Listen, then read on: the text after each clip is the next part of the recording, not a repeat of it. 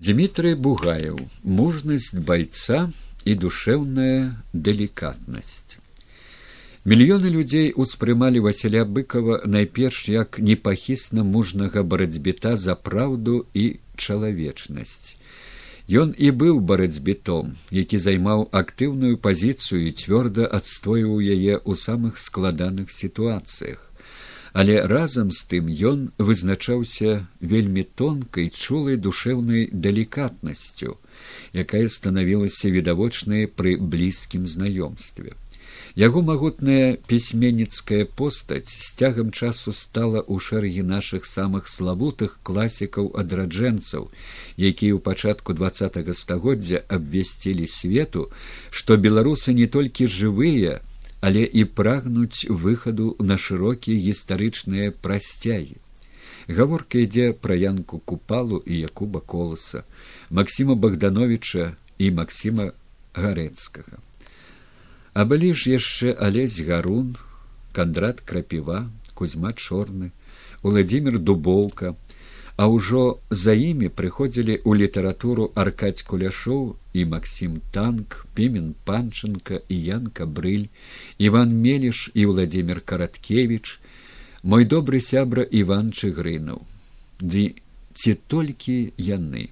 Аднак і на такім зіходкім фоне василь быкаў глядзецца як фігура асабліва значная дастаткова сказаць што ніводны з нашых выдатных майстроў мастацкага слова не атрымаў такога шырокага розгаласу ў свеце як василь быкаў. Ён урэшце заняў трывалае месца сярод самых выдатных мастакоў чалавецтва. А між тым і василь быкаў не адразу стаў пісаць выдатныя творы На пачатку сваёй вялікай творчай дарогі ён апублікаваў некалькі даволі ардынарных апавяданняў і адну аповесць, у якой яшчэ няма быкаўскай глыбіннасці. Я маю на ўвазе у нечым нават пераймальную аповесць апошні баец 1957 якая па асноўнай сюжэтнай калізіі пераклікаецца з куляшоўскім сцягам брыгады. Яна ў сакавіку і красавіку 1958 года друкавалася ў газеце чырвоная змена. Пісьменнік лічыў аповесць недасканалай і ніколі не перадрукоўваў яе. Не зрабіў моцнага ўражання і невялічкі зборнік гумарыстычных апавяданняў ход канём, выдадзены ў 1960 годзе ў бібліятэцы вожыка. У 1960 годзе выйшаў першы зборнік сур'ёзнай быкаўскай прозы жураўліны крык, куды ўвайшла створаная годам раней сапраўды быкаўская аднайменная повесць, што дала назву усяму зборніку. З гэтага зборніка да яшчэ з божыкаўскага ходу канём і пачалося маё даследніцкае знаёмства з творчасцю быкова. У пісьменніцкім асяроддзе тады хадзіла няхітрая хохмачка, нібыта бугаёў хацеў напісаць рэцэнзію на першую кнігу Васіля быкова стаў дамаўляцца з часопісам, а яму адказалі сваякам рэцэнзій не заказваем. Так абыгрывалася сэнсавая сугучнасць прозвішчаў пісьменніка і крытыка. На самой справе я быў у ліку першых рэцэнзентаў быкаўскіх кніг.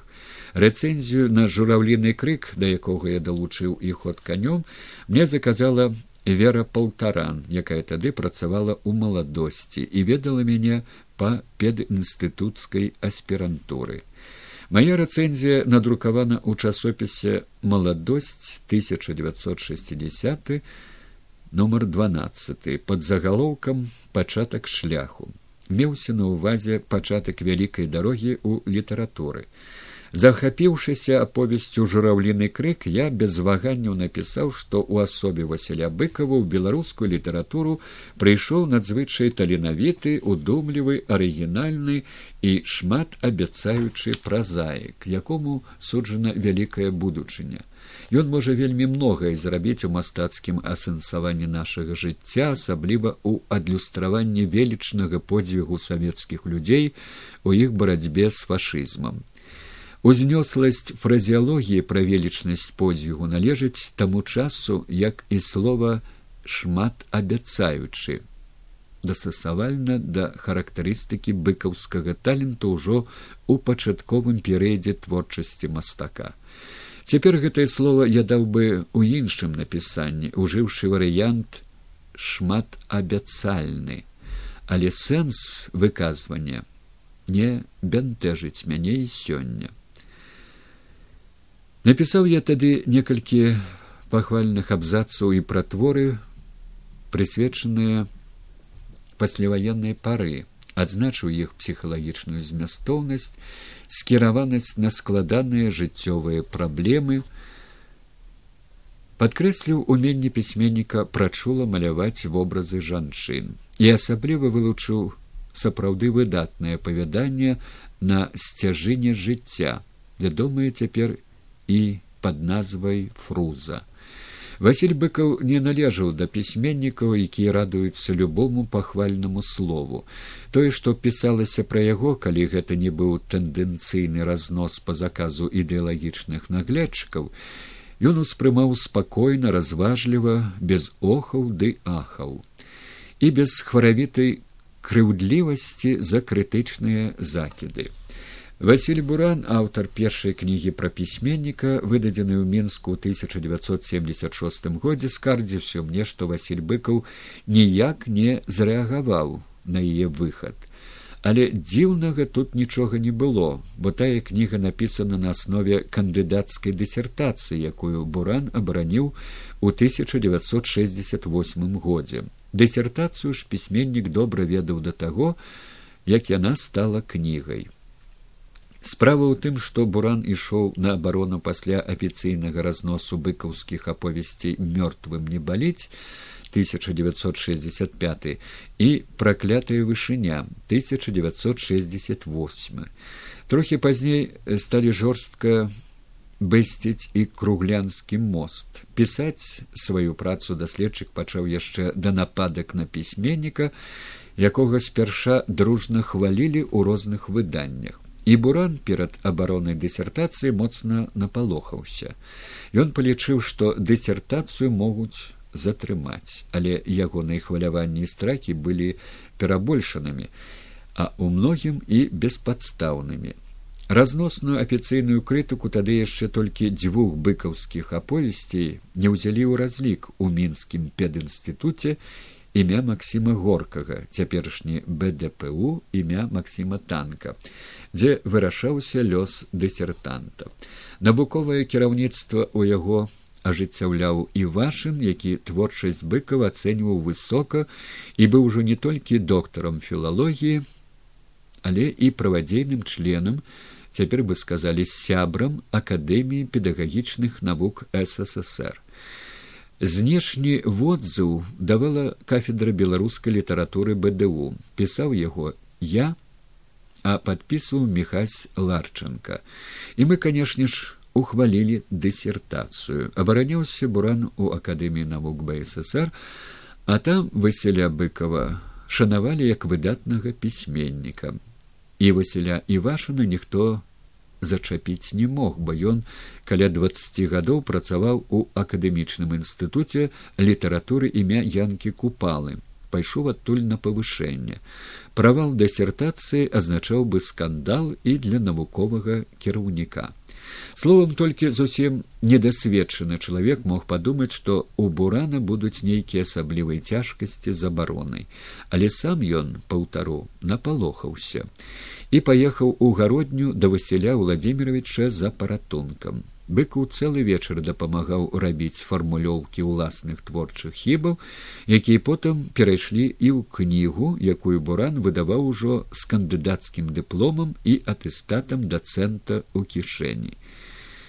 Як такое назваць я не ведаю. Далікатны василь быкаў проста прамаўчаў. На маю рэцэнзію ў маладосці Васіль Владимирович адгукнуўся, паставіўся да яе прыхільна.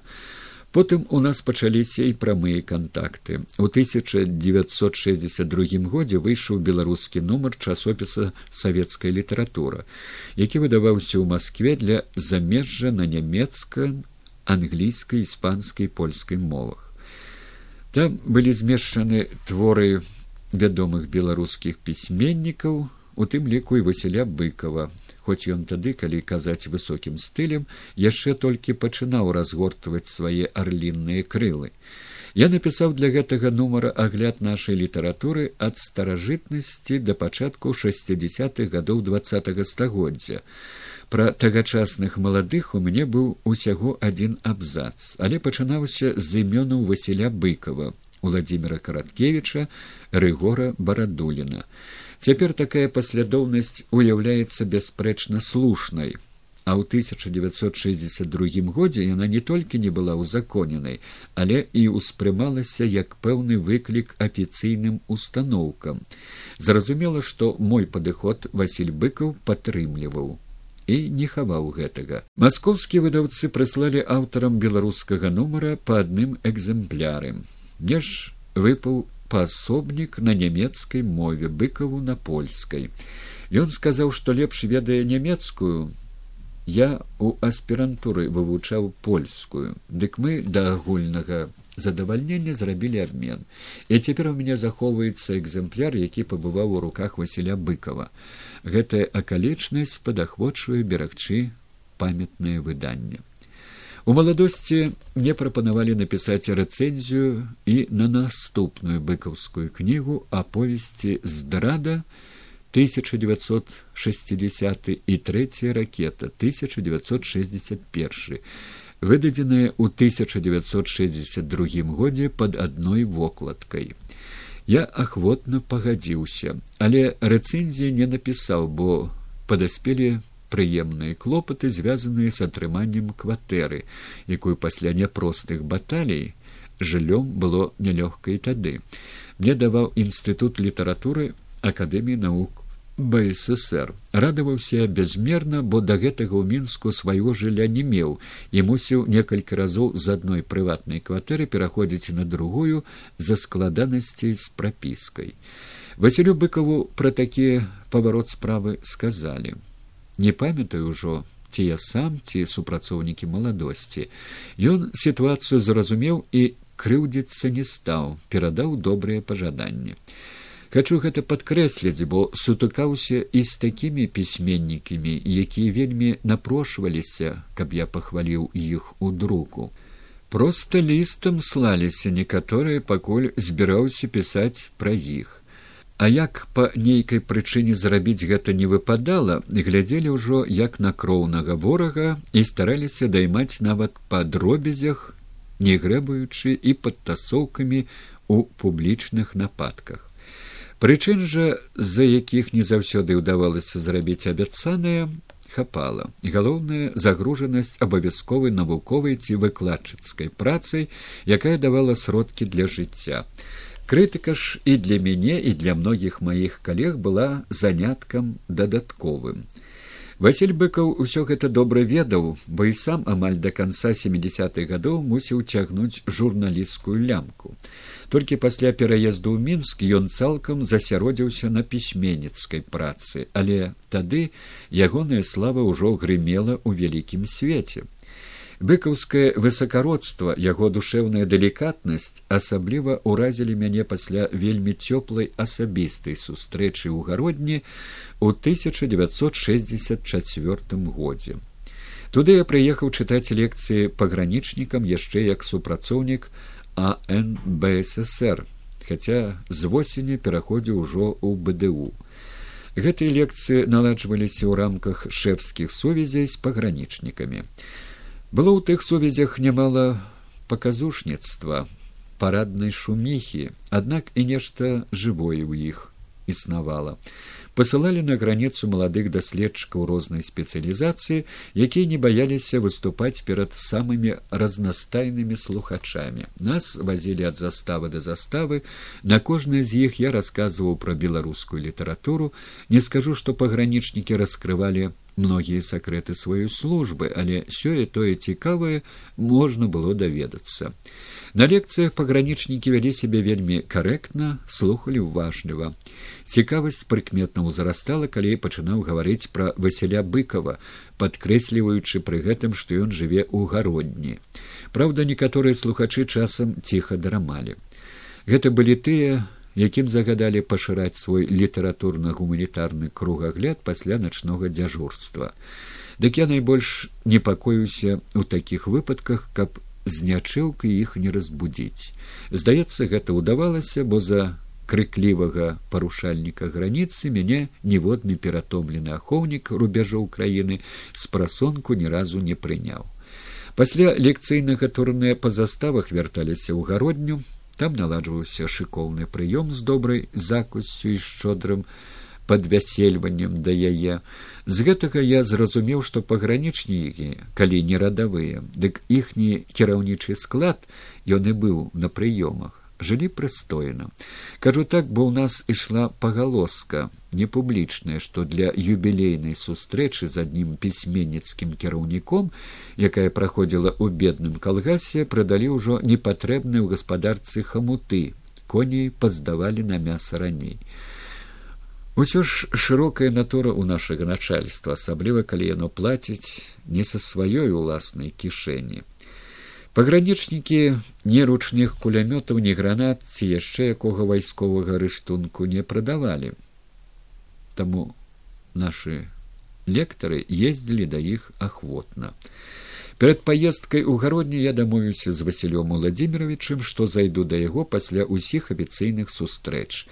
Была ў мяне адна канкрэтная задумка папрасіць каб ён дапамог надрукаваць у газеце гродзенская праўда дзе пісьменнік тады працаваў рэцэнзію на ягоную аповесць альпійская балада Мне здавалася, што ён гэта ахвотна зробіць, а ён адмовіўся, патлумачыўшы, што лічыць неэтычным пісаць пра твору выдання, дзе працуе аўтар. Я ведаў, што гэтак жа рабілі пімен панчынка ў маладосці Масім танк у полымі. Але ж яны былі галоўнымі рэдактарамі, а быкаў у гродзенскай праўдзе быў самы, што не ёсць радавік. Такая сцібласць трохі падзівіла, бо была нязвыклай, але бедаваць я не стаў і трошкі пазней змясціў артыкулы пра альпійскую баладу ў мінскай праўдзе і ў ліме. Васіль быкаў іх сустрэў зноў жа прыхільна, хоць і напісаў і пра тое, што гераіня гэтай аповесці Джулія выратавана пісьменнікам насуперак логіцы абставін, узноўленых у творы. Прыняў тады мяне Васіль владимирович у сваёй гарадзенскай кватэры вельмі цёпла гасцінна з поўнай даверлівасцю. Ён расказаў шмат такога, пра што я зусім не ведаў, пазнаёміў з непублікаванымі ў нас матэрыяламі, які лічыліся крамольнымі. Вельмі глыбокае разуменне таго, што адбывалася тады ў жыцці краіны і ў літаратуры, вялікая сіла інтэлекту, поўная натуральнасць неардынарнай асобы, сардэчная чуласць адкрытасць мужнага чалавека які разважаў пра ўсё без палахлівай аглядкі былі ў васіля быкова відавочнымі і проста зачаравалі. З тых пор я стаў ягоным безумоўным прыхільнікам бо адчуў што такі чалавек не схібіць ні ў чым.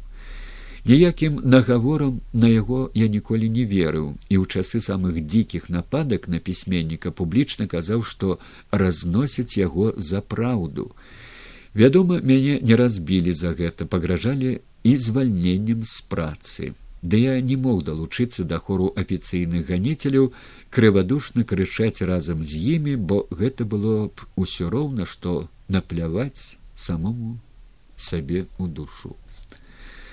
Справа ж была не толькі ў самай высокай павазе да Васіля быкова, але і ў тым, што яго творчасць, пачынаючы з аповесці журавліны крык, стала для мяне узорам сумленнай мужнай і гранічна праўдзівай літаратуры. З цягам часу я выказаў гэта загалоўкам артыкула праўда і мужнасць таленту той загаловак я ўпершыню праціснуў у друк у 1971 годзе. Хацеў так назваць і кнігу пра васіля быкова выдадзеную у народнай свеце у 1987 годзе дзякуючы падтрымцы юліі бураўкінай жонка геннадзя бураўкіна тады галоўнага рэдактара гэтага выдавецтва Яна абараніла перад цэнзарамі цалкам станоўчы разгляд аповесці мёртвым не баліць, праклятая вышыня і краўлянскі мост. за які быкаву даставалася найбольш, але мой загаловак адстаяць не змагла. На кнізе ён прайшоў толькі ў 1995 годзе, калі бальшавікі ўжо ляснуліся і іхняя цэнзура была нарэшце пахавана. Але тут я забег на тры дзесяцігоддзі наперад. Трэба вярнуцца ў савецкія часы. Пасля гасцявання ў гародні адносіны з Васілём быкавым станавіліся ўсё больш дружалюбнымі, набывалі сяброўскі характар. У пачатку семидесятых гадоў ён узначаліў гродзенскае пісьменніцкае аддзяленне і мусіў прыязджаць на пасяджэнні праўлення саюза пісьменнікаў у мінск. Я тады таксама быў у складзе гэтага праўлення. Таму сустракацца выпадала часцей у тым ліку на пісьменніцкіх з'ездах, а з пераездам высяля владимировичу ў беларускую сталіцу кантакты з ім зрабіліся звыклымі.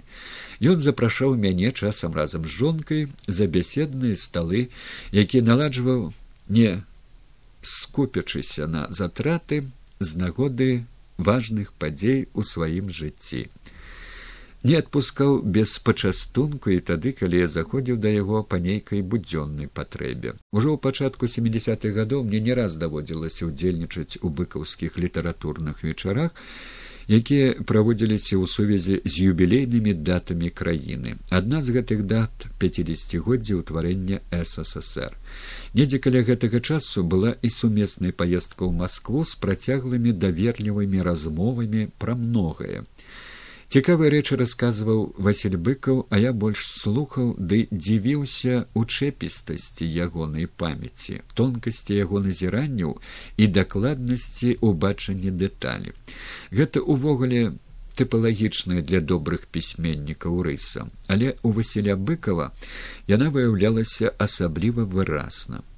Добра запомнілася паездка ў магілёў летам ці ў пачатку восені 1973 года. Тады мы выступалі на камбінаце хім валакно, сустракаліся з магілёўскімі кіраўнікамі, начавалі ў магілёве.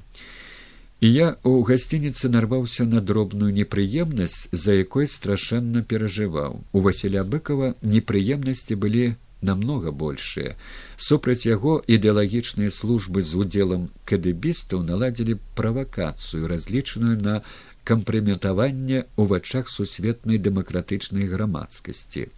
Па тэлефоне з мінска яму прапанавалі падпісацца пад лістом засуджэннем сахарова і салжаніцына якіх васіль быкаў глыбока паважаў як выдатных барацьбітоў супроць таталітарызму. Мужны пісьменнік канешне ж адмовіў але ягоны подпіс усё роўна паставілі і шырока растырэжавалі той ліст у сродках масавай інфармацыі. Пасля тэлефоннай размовы з мінскімі цыкоўцамі наконт подпісу василь быкаў вярнуўся ў залу дзе пісьменнікі працягвалі сняданак с абсаваным настроем. Абураўся зроблены яму прапановы і тым што ніхто яго пярэчанняў слухаць не стаў, а проста паклалі тэлефонную трубку. Тады ж ён расказаў сваім сябрам, якія сядзелі з ім за адным сталом, я быў сярод іх пра чарговае нахабства ідэалагічных наглядчыкаў. Па дарозе з магілёва ў мінск быў запланаваны прыпынак на лясной паляне для адпачынку і перакускі. Там на тонкіх дубчыках смажылі купленую магілёве сала пасля кілішкаў елі яго са свежым хлебам таксама магілёўскім. А мяне на пачатку папасу не радавала і такая раскоша хаця б у тыя часы. Я ад чаркі калі яна была не вельмі поўнай звычайна не адмаўляўся. Василь быкаў заўважыў маё бедаванне падышоў з выструганым ім самім запасным дубчыкам засмажыў на цяпельцы яшчэ адзін прывабны скрылік салам наліў кілішак гарэлкі мне і сабе прапанаваў выпіць і закусіць разам. Ад такой сапраўды сяброўскай увагі мой панылы настрой знік бясследна. Іначай быць не магло бо вялікую душэўную далікатнасць па брацку шчырую спагадлівасць праяўляў чалавек які сам сутыкнуўся з куды большай бядой Не толькі пасля гэтай паездкі, але і раней я з вялікай ахвотай адгукаўся на ўсе пажаданні і просьбы Васіля Владимировича. 21 лютага 1979 года у тэатральнай зале акруговага дома афіцэраў праходзіў надта мнагалюдны быкаўскі творчы вечар, на якім я рабіў даклад. На аснове гэтага даклада потым падрыхтаваў і прадмову да беларускага чатырохтомнага збору твораў васяля быкова. Адносна гэтай прадмовы захаваўся ліст пісьменніка адзін з нямногіх адрасаваных мне, бо звычайна мы дамаўляліся пры сустрэчах ці па тэлефоне. Падаю гэта яшчэ недрукаваны ліст цалкам. Дарагі Дмітрый Яковлевич, некалькі дзён марна спрабаваў звязацца з табой па тэлефону з выпадку пільнай патрэбы. А іменно, ці не згадзіўся б ты напісаць прадмову да майго збору твораў чатыры томы, які пачынае выходзіць будучы год у мастацкай літаратуры. Я б вельмі прасіў. Калі не супраць, дык пазвані, калі ласка. Владимиру шахаўцу у выдавецтва телефон 238234 я з ім дамаўляўся патрэбна толькі твоя згода. З ім жа аб падрабязнасцях тэрмін памер і гэтак далей. А калі не, дык што ж, толькі тады пазвані мне. Телефон двадцать три одиннадцать пятьдесят семь. Вось і ўсё. З павагай Васіль быкаў. Двадцать четвертое кастрычніка семьдесят девять -го года дамаўляцца з шахаўцом пра дэталі неабходна было таму што ён тады ўзначальваў рэдакцыю па якой праходзілі зборы пісьменніцкіх твораў. Я з радасцю прыняў прапанову василя владимировича яшчэ і таму што ўжо меў вопыт плённага выдавецкага супрацоўніцтва з ім пісаў пасляслове да кнігі аповесцяў выпушчанай у той жа мастацкай літаратуры але на рускай мове У гэтую кнігу ўвайшлі аповесці жураўліны крык, трэцяя ракета, альпійская балада. Яна была выдадзена для масавага чытача стотысячным тыражом. Тым пасляслоўем Васіль быкаў быў задаволены. І я перадрукаваў яго ўжо на беларускай мове ў сваім зборніку талент і праца 1979 за які ў 84 годзе атрымаў дзяржаўную прэмію беларусі імя якуба коласа. А прадмовай да быкаўскага беларускага чатырохтомніка зацікавілася трохі пазней москва там выдавецтва маладая гвардія у 1985-86 годах выпускала таксама чатырохтомны збор быкаўскіх твораў вядома на рускай мове. Прадмову да яго спачатку падрыхтаваў нехта з маскоўскіх крытыкаў ці не леонаў які ў свой час васяля быкова разносілі. У прадмове разносу быць не магло і ранейшы ганіцель пісьменніка гаварыў пра яго ўжо ў іншым тоне. Але неэтычнасць ягонага шарахання была відавочнай ды і шчырасць маскоўскага крытыка выглядала непераканальнай. Таму ў самы апошні момант вырашылі звярнуцца да іншага аўтара. Выбар паў на мяне, бо падрыхтаваць ладны артыкул трэба было тэрмінова. Мне прапанавалі зрабіць яго на аснове сваіх ранейшых публікацый галоўным чынам таго, што ішло ў беларускім чатырохтомніку. Я тую прадмову трохі абнавіў, і яна маскоўскіх выдаўцоў задаволіла. Потым яе скарочаны варыянт друкаваўся і ў кнігах васіля быкова, якія пад загалоўкам аповесці выходзілі на рускай мове ў ленінградзе 1987 год тут мой тэкст стаў пасляслоўем. І ў кіеве 88 год. Змяшчаў я і прадмову да быкаўскіх кніг мастацкай прозы якія выдаваліся ў мінску ў 89 і 90 годах а пра сваё пасляслоўе да рускамоўнага зборніка аповесцей выдадзенага нашай мастацкай літаратурай у семьдесят другім годзе я ўжо згадваў. Такім чынам у мяне набралася ажно сем выступленняў у пары з выдатным пісьменнікам. Друкаваліся мае прадмовы ці пасляслоўі пад рознымі загалоўкамі не проста для разнастайнасці назваў а таму што і творы пра якія гаварылася былі розныя.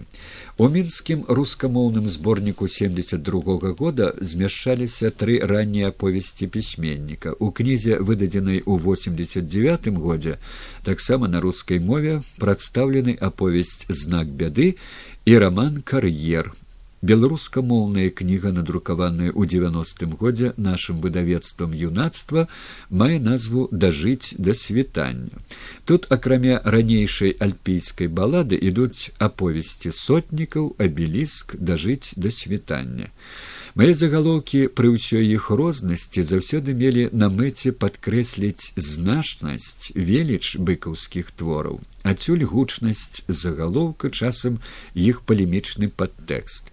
Вазьму па парадку. Праўда і мужнасць таленту. 72 год эпопея працягваецца 89 90 глыбіня і моц праўды 85 87 88 по законах праўды і чалавечнасці 89 год. Ключавае слово праўда я знарок ужываў шмат разоў, бо Васяля быкова у перыяд самых жорсткіх разносаў крывадушна вінавацілі ў скажэнні праўды вайны, праўды антыфашысцкай барацьбы, якую ён паказваў з найбольшай паслядоўнасцю і партасцю чалавека, які тую праўду выпакутуваў уласным вопытам. Загаловак эпапея працягваецца таксама меў свой палемічны сэнс. Справа ў тым, што Васілю быкаву скрозь рабілі закіды, нібыта ён чалавека на вайне і самую вайну паказвае залішне лакальна, абмежавана, без уліку шырокіх чалавечых маштабаў. Вось і даводзілася пярэчыць. Мастак піша сваю адметную эпапею, якая складваецца з параўнальна невялікіх, але надзвычай глыбокіх аповесцей. Так яно і было на самой справе, але цяпер я рашыўся адмовіцца і ад тэрміна эпапея у дастасаванні да быкаўскай творчасці. Навошта нам надзвычай арыгінальнага пісьменніка ўсё ж неяк падцягваць пад звыклы стандарт пампезнасці, цень якога мільгаціць за самім размашыстым вызначэннем. Васіль быкаў папраўдзе вялікі без усякай пампезнасці, чужой і непатрэбнай яму. У 1980 годзе Васілю быкаву надалі нарэшце званне народнага пісьменніка Беларусі. З гэтай нагоды арганізоўваліся сустрэчы з чытачамі. Была паездка ў віцебск, у якой прымаў удзел і я. У мяне захаваўся ліст гамолкі, які тады ў нашым пісьменніцкім саюзе займаў пасаду дырэктара бюро прапаганды мастацкай літаратуры. Ён паведамляў: 15 снежня 1980 года у горадзе віцебску у драматычным тэатры імя Якуба коласа адбудзецца аўтарскі вечар Васіля быкова. Васілий владимирович вельмі просіць, каб уступнае слово пра яго творчасць зрабілі вы калі будзе ваша згода паведаміце нам у бюро і вядома василю владимировичу увечары прымуць удзел панчынка бураўкін барадулін. Чакаем вашага званка. Далей ідуць нумары телефону па якіх трэба званіць. Моцна цісну руку мікола гамолка. Третьего одиннадцатого восьмидесятого года. Удзельнічаць у такой паездцы на радзіму василя быкова для мяне было і ганарова і цікава. Таму я таксама з радасцю згадзіўся і тое уступнае слово невялікі даклад хутка падрыхтаваў выступаць ім было вельмі прыемна бо ўсюды нашу дэлегацыю прымалі з вялікім энтузіязмам. Здаецца тады я пазнаёміўся і з сястрой василя владимировича валянцінай жанчынай па чалавечы прывабнай у нечым падобнай на свайго славутага брата. Атрымалася адно суцэльнае гасцяванне. А па дарозе ў віцебск і асабліва ў час вяртання ў мінск было зноў жа шмат цікавых размоў не толькі з васілём быкавым але і з піменам панчанкам рыгорам барадуліным геннадзем бураўкіным. Як і раней былі прыпынкі з падмацункам і падвесельваннем. Усё па поўнай святочнай праграме карыстаючыся прыхільнасцю васяля владимировича я звычайна прасіў прачытаць што пісаў пра яго асабліва артыкулы для школьных падручнікаў і навучальных дапаможнікаў. Рабілася гэта для таго каб пазбегнуць якіх небудзь фактычных недакладнасцяў. А яны часам прыкідаліся. В адным параўнальна раннім артыкуле я напісаў што василь быкаў са зброі ў руках прайшоў усю вайну ад яе пачатку да пераможнага завяршэння. Пры гэтым я меў на ўвазе і хлёсткую формулу на бестэрміновай перадавой, якую ўжываў алесь Адамович, маючы на ўвазе, што Васіль быкаў змагаўся за праўду і чалавечнасць і ў агні фронтавых баёў і ў сваіх творах, ды і ў практычнай дзейнасці ўжо ў мірныя дні. Васіль Владимирович мяне тактоўна паправіў, пасведчыўшы, што ў прамым сэнсе слова на фронте ён змагаўся ў самым пачатку вайны і потым з восені 1943 года. Цяпер пра гэта добра вядома і па аўтабіяграфічных матэрыялах самого пісьменніка і па многіх публікацыях пра яго. А я кажу пра артыкул, які пісаўся намнога раней. Згадваеш пра быкаўскую заўвагу, каб падкрэсліць, што пісьменнік на фактычныя недакладнасці, калі яны прыкідаліся, увагу звяртаў, а у самі ацэнкі твораў не ўмешваўся ніколі. А я паказваў, а то і падпісваў яму ці не ўсе выданні, у якіх былі мае новыя публікацыі пра яго. Ён звычайна дзякаваў і сутнасна канцэптуальных пярэчанняў не выказваў. Гэта відаць і па ягоных аўтографах на падараваных мне кнігах. Іх набіраецца цэлы стос. Першыя на важкай кнізе аповесці выдадзенай на рускай мове ў новасюбірску ў 1980 годзе. Сюды ўвайшлі аповесці трэцяя ракеты сотніка воўчая зграя яго батальён абеліск.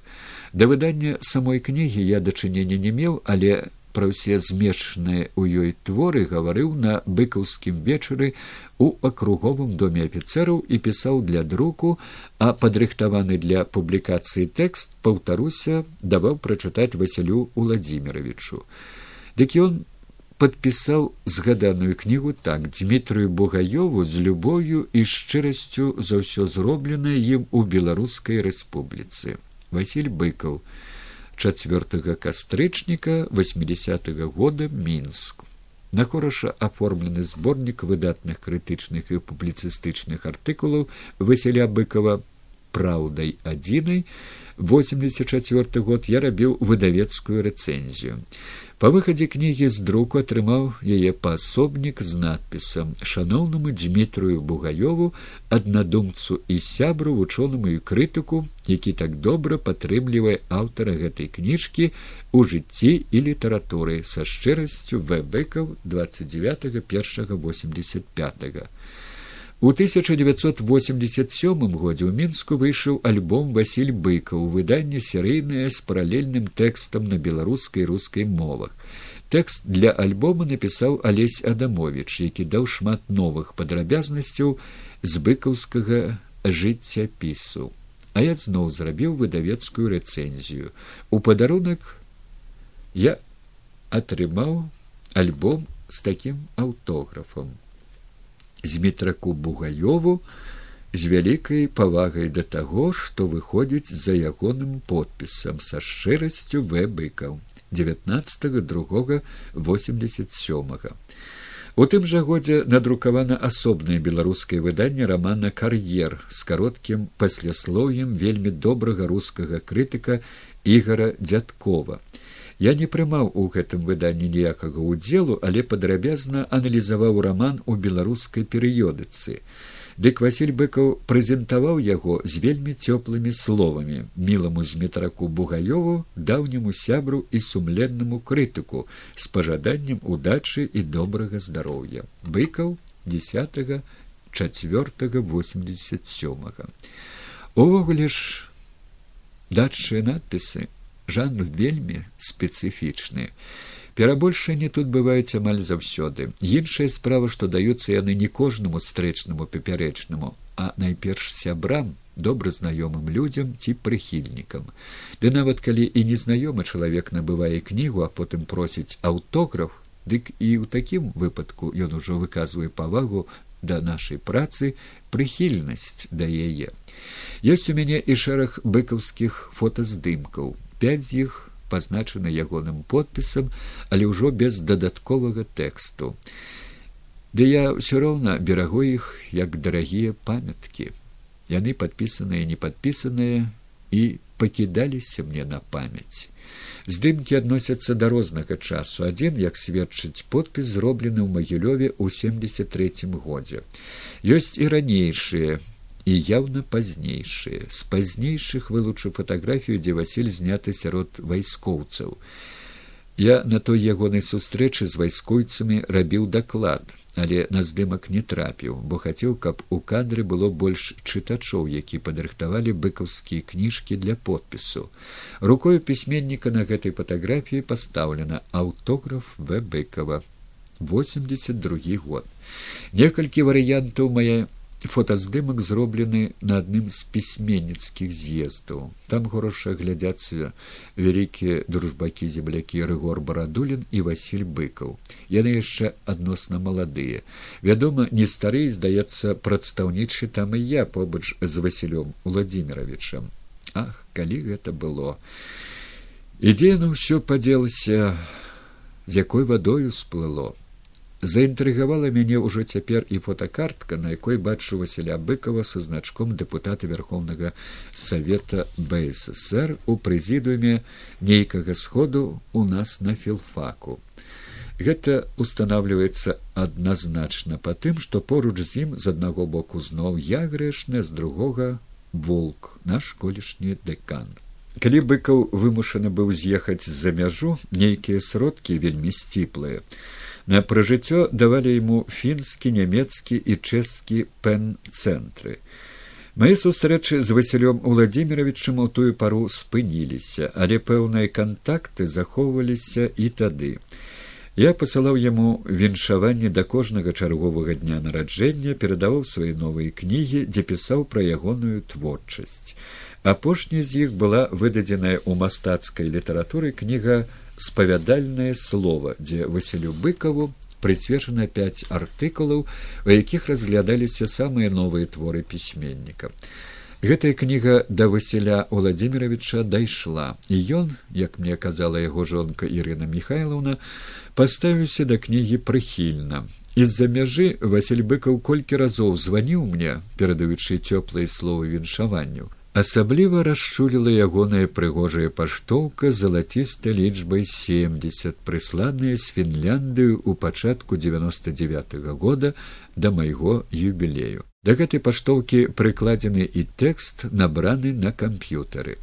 Дарагі дмітрый Яковлевич, милы Дима, с далекага балтыйскага берагу хочу павіншаваць цябе з тваім дачаканым юбілеем і пажадаць табе добрага здароўя і доўгіх гадоў жыцця.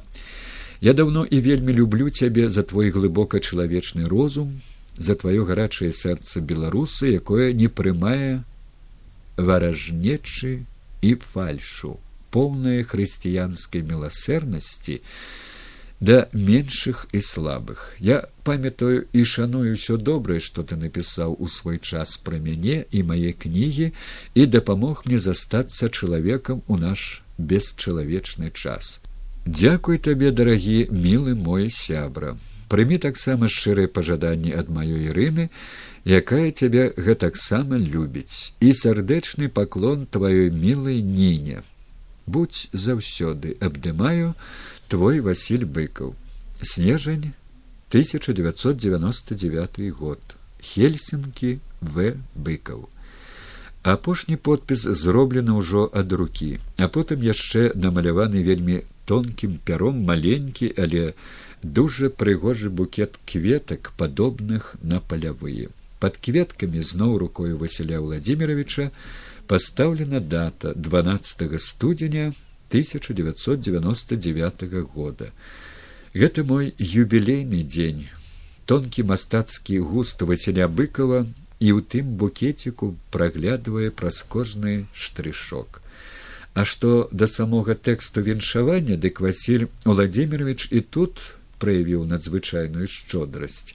Калі ён напісаў, што я дапамог яму застацца чалавекам у наш бесчалавечны час, дык ён тут перадаваў мне сваю заслугу тое, што зроблена ім у дачыненні не толькі да мяне, але і да мноства людзей. Гэта ж ён сам і ягоныя мужныя праўдзівыя творы дапамагалі мне заставацца чалавекам і проста выжываць у цэлым шэрагу канкрэтных сітуацый. Не буду іх усе пералічаць, а толькі прыгадаю, што аднойчы Васіль Владимирович напрамую дапамог майму ратунку. У канцы 1994 года я трапіў у бараўляны са злаякасным ракавым захворваннем страўніка. Мая жонка не на корань, якую такораша згадваў пісьменнік, за чаю пазваніла Васілю Владимировичу і попрасіла ягонай дапамогі. Быкаў звычайна пазбягаў што-небудзь прасіць для сябе, а за іншых, калі была патрэба, хадайнічаў. У той крытычны для мяне час ён аператыўна выйшаў на бараўлянскую лякарню. Там загадчыкам аддзялення і самым лепшым хірургам у ім быў ёсць і цяпер буднік. Дык Васіль Уладзімирович попрасіў, каб ён сам зрабіў мне аперацыю. Буднік на маё шчасце з вялікай павагай ставіўся да быкаўскай творчасці і самога пісьменніка. Таму ён без ваганняў адгукнуўся на просьбу Васіля Владимировича і рэзаў мяне сам. Аперацыю ён правёў, як казалі медыкі філігранна. З той пары прайшло ўжо девять гадоў, а я, дзякуючы Богу, Анатолю будніку і Васілю быкаву усё яшчэ трымаюся на гэтым свеце. Тут можна было б і кропку паставіць, але здаецца, трэба зрабіць яшчэ некалькі агаворак. Для тых, хто убачыць нясціпласць, у цытаванні пахвальных быкаўскіх слоў адрасаваных мне паўтару яшчэ раз. Пахвала ў многіх выпадках канешне ж была перабольшанай. Але праз гэтую перабольшанасць бачыцца высакароднасць васіля быкова яго чалавечая шчодрасць і я хачу каб людзі пра гэта ведалі. А яшчэ дадам вось што. Калі васіль быкаў вярнуўся з за мяжы на радзіму я не адразу зразумеў што ён не лячыцца прыехаў. Наступствы паказалі што гэта было ўжо запозна. Ён фактычна прыехаў дадому паміраць каб назаўсёды застацца ў зямельцы сваёй радзімы. Хоць яна радзіма няласкава абыходзілася з ім многа гадоў быкаўскі адыход жыцця я ўспрымаю як найвялікшую бяду асабістую невядома бяду народную. Такое адчуванне думаецца было і ў мноства жыхароў беларускай сталіцы якія не па загаду зверху а па спантаннаму душэўнаму парыву выйшлі на мінскія вуліцы развітацца з вялікім пісьменнікам вялікім грамадзянінам вялікім змагаром за праўду і чалавечнасць